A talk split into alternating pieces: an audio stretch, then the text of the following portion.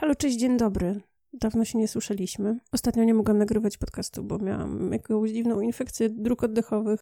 Wracam po przerwie i, i chciałam Wam dzisiaj opowiedzieć trochę o tym, że miłość do zwierząt to nie wszystko, że nie wystarczy je kochać, bo o tym, że ktoś kocha zwierzęta, słyszę się codziennie, a jednak i tak zwierzęta nadal w takich domach cierpią. Oczywiście nie musi to być zasada, jednak chciałabym poruszyć tutaj taki temat związany z tym, co znaczy kochać zwierzęta. Słuchacie podcastu Hodowli Słów etycznym życiu, zwierzętach i ucieczce z miasta na wieś.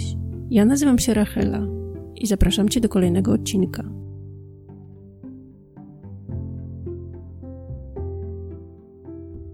I zacznijmy od tego, czy wiecie, że w Polsce według nieoficjalnych danych żyje około 7 miliona psów i 6 milionów kotów? Jak informuje Główny Inspektorat Weterynarii, w 2019 roku w schroniskach dla zwierząt przebywało 105 tysięcy, ponad 105 tysięcy psów oraz 31 tysięcy kotów. Te liczby wydają się bardzo duże, jednak są one zupełnie nieistotne, może nie nieistotne, ale gdy bierzemy pod uwagę ilość cierpiących zwierząt, to wyobraźcie sobie, że kurczaków hodowanych na świecie zabija się rocznie około 70 miliardów. I to miałam na myśli mówiąc, że ta ilość psów i kotów jest nieistotna w tym przypadku. Jednak 70 miliardów a nawet 30 tysięcy to jest zbyt abstrakcyjna liczba, żeby sobie ją wyobrazić. Tyle istnień, które zdane są na cierpienie przez człowieka. W samej Polsce ubijamy rocznie ponad, ponad 1 miliard kur.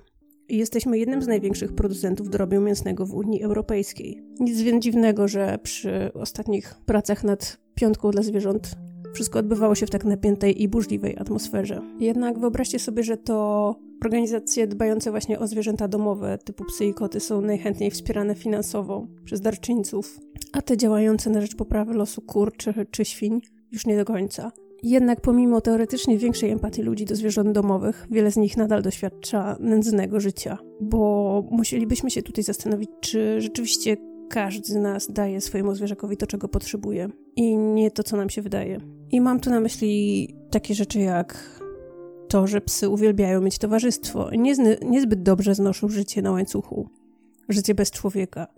Nie wystarczy im, że przychodzisz obok niego każdego dnia, nie wystarczy, że dasz mu dach nad głową i zamkniesz go w domu na 8 godzin. Podczas twojej nieobecności, bo jesteś na przykład w pracy. Pies potrzebuje głaskania, wtulania się i spacerów ze swoim opiekunem. Koty natomiast w domach potrzebują zabaw imitujących polowanie. Nie wystarczy rzucać im zabawkę wpatrując się w telewizor, to ciągła interakcja z nimi. Jeżeli twój kot niszczy ci rzeczy, gryzie przedmioty, to jest to właśnie jeden z tych objawów nudy. Mnie w tym uświadomił Jackson Galaxy – Świetnie opowiada on o tym w swoim filmie, a także w swojej książce Kocie Mojo, którą bardzo polecam, bo ona ułatwiła nam życie i uświadomiła mnie, jak mało wiedziałam na temat kotów, chociaż przeżyłam z Bubą 18 lat.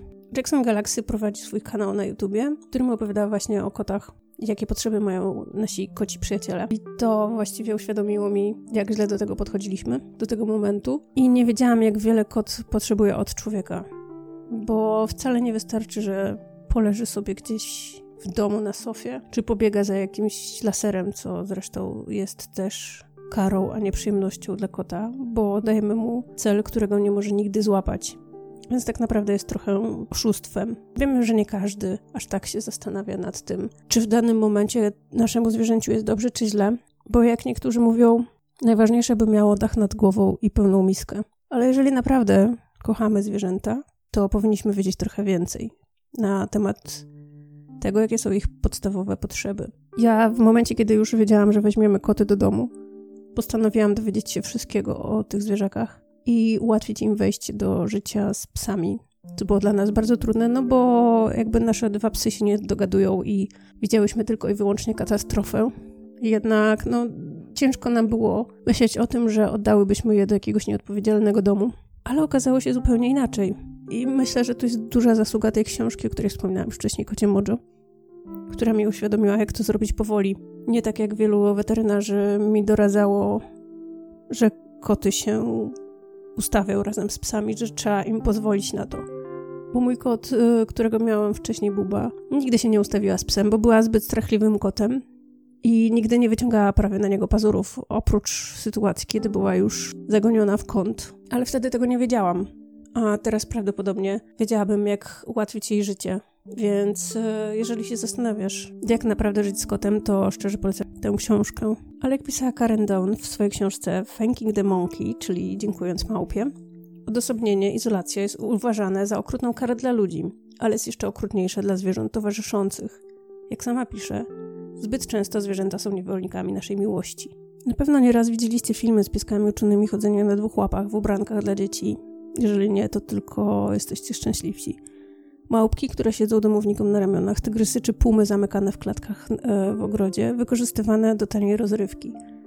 We wszystkich tych przypadkach jestem pewna, że właściciele potwierdzą, że kochają swoje zwierzęta. Psy w hodowlach są teraz kształtowane dla ludzi. Część z nich przeznaczona jest e, typowo pod polowania, przycina im się uszy czy ogony. Część, by zaspokoić nasze zachcianki, często kosztem ich zdrowia. Weźmy na przykład pod uwagę buldożki, które zostały tak skrzyżowane, że mają problemy z oddychaniem. Jakieś rozszczepy krtani czy gardła, nie wiem, nie znam się dokładnie. Mam znajomych, którzy posiadają takie psy i wiem, że one okropnie cierpią i wiem, że to są częste wizyty u weterynarza. Jednak mało kto jest świadomy, kupując takiego psa, co tak naprawdę go czeka.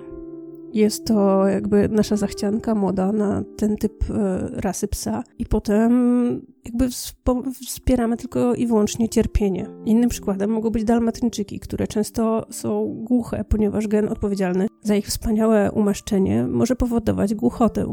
Być może pamiętasz też mój post o zwierzętach jako wsparciu emocjonalnym. Ci ludzie zapewne też kochali zwierzęta, zabierając je ze sobą do samolotu, narażając na niesamowity stres tłumacząc się tym, że był to dla nich, że było to dla nich emocjonalne wsparcie, żeby oni mogli pogodzić się ze swoim stresem. Moda na zwierzęta jest okrutna. W tej chwili kupuje się, właściwie od zawsze kupowało się nie tylko już psy czy koty, ale króliki, jaszczurki, węże, ma małpki, które zwane są na przykład finger monkeys, które są tak małe, że siedzą ci na jednym palcu. Wiele z tych zwierząt jednak nie ma zaspokojonych swoich podstawowych potrzeb. I naprawdę, posiadając tyle zwierząt, zauważam, jak one są inne i jak wiele potrzebują, jak są indywidualne. Nie można traktować ich jako stado, bo każdy chce czegoś innego. Każdy chce być głaskany tylko i wyłącznie w tym momencie. Każdy chce spać z nami. A odkąd mamy króliki i miałyśmy Johna, który był bardzo schorowany, mm, w tej chwili mamy Petra i Rysia, zauważyliśmy, jak niewiele trzeba, aby królik szybko się rozchorował, czy nawet umarł. Wymagają one stałej obserwacji, kontrolowania stanu zębów, paznokci czy nawet futerka. Zdolność do zapychania się jest często niezauważana, gdy królik jest tylko zabawką dla dzieci hodowaną w domu. Dodatkowo leczenie królików wciąż jest bardzo drogie, szczególnie jeżeli chodzi o problemy stomatologiczne. Te zwierzęta najczęściej z powodu braku finansów albo niedopatrzenia okropnie cierpią i umierają. My dosłownie na Johnego wydałyśmy, nie wiem, około 2000 zł chyba, patrząc wstecz, próbując go uratować próbując mu ulżyć i tak naprawdę trzy razy pytałyśmy weterynarza, czy to jest już czas, aby dokonać eutanazji i oni cały czas próbowali jakby jeszcze mu pomagać, choć dzisiaj z perspektywy czasu uważam te działania za bezsensowne. Bo jeżeli królikowi sypie się cała szczęka, no to jakie mogą być prognozy? Niestety w tamtym czasie nie miałam o tym zbyt wiele pojęcia. Ale wróćmy do psów i kotów, które zostały na przykład kupione pod wpływem impulsu potem są porzucane w schroniskach albo, co gorsza, porzucane w lesie. Już raz znalazłyśmy tu szczeniaki. Nasza Hela jest adoptowanym takim psem, którego ktoś przyniósł do schroniska. Powiedział, że ktoś mu porzucił tego psa na ogród. To jest niekończący się cykl. Ktoś kupuje, ktoś się zawodzi i oddaje takie zwierzę. To zwierzę później rzadko ma szansę na dobry dom. Część z tych zwierząt zostaje w schroniskach i poddawane są eutanazji, jeżeli ich życie tam jest zbyt mizerne i nie ma miejsca już dla nich, czy, czy no, nie ma środków na utrzymanie tych zwierząt. Z kolei koty, którym pozwala się na wychodzenie z domu bez opieki albo porzuca się, zabijają rocznie od, 4, od 1 do 4 miliardów ptaków i od 6 do 22 miliardów małych ssaków w samych Stanach Zjednoczonych. Często ich ofiarami padają gatunki zagrożone. I można powiedzieć, taka jest natura kota, odpoluje i pozbywa się myszy, tylko w tym momencie tych kotów jest tak wiele, przez to, że człowiek e, je porzuca, przez to, że je rozmnaża, przez to, że nie, nie zapobiega ich e, rozmnażaniu się, że tylko tym kotom już nie starcza tego pożywienia i dlatego polują właściwie na wszystko, co mają pod ręką, pod łapką. I na koniec chciałabym powiedzieć jeszcze o tym, że posiadanie zwierząt i rozmnażanie ich ma wpływ na naszą planetę i środowisko. Być może zabrzmię tu trochę patetycznie, albo jak szalona dla niektórych. Ale jednak większość naszych zwierząt to mięsożercy. Według badaczy z University of California w Los Angeles karmienie zwierząt domowych mięsem wytwarza równowartość 64 milionów ton dwutlenku węgla rocznie, co ma mniej więcej taki sam wpływ na klimat jak roczna jazda z 13,6 miliona samochodów. Wrzuciłam takie grafiki odpowiedzialne za to i linki do źródeł e, w poście na moim blogu. Kochanie zwierząt, jak widzicie, to nie wszystko. Jak każda miłość, ta powinna opierać się na odpowiedzialności. Bardzo łatwo nam ludziom przychodzi mówienie, że się kogoś kocha. Hodowcy twierdzą, że kochają swoje norki, chociaż za chwilę obdzierają je ze skóry. Tak więc, jeżeli zastanawiasz się nad nowym kompanem, przemyśl to dobrze. Zadaj sobie pytanie, czy jesteś w stanie poświęcić mu odpowiednią ilość czasu. Czas na zabawę i czy stać cię na nieśmieciowe jedzenie dla pupila. Psy i koty nie powinny jeść resztek ze stołu. Koty nie powinny jeść surowej rybki. Króliki nie zdzierają sobie zębów na suchej bułce i nie zawsze wystarczy im siano. Posiadanie zwierzęcia to wielka odpowiedzialność. Nie wystarczy go kochać. Trzeba widzieć, jakie są jego potrzeby rzeczywiste, a nie takie, jakie nam się wydają.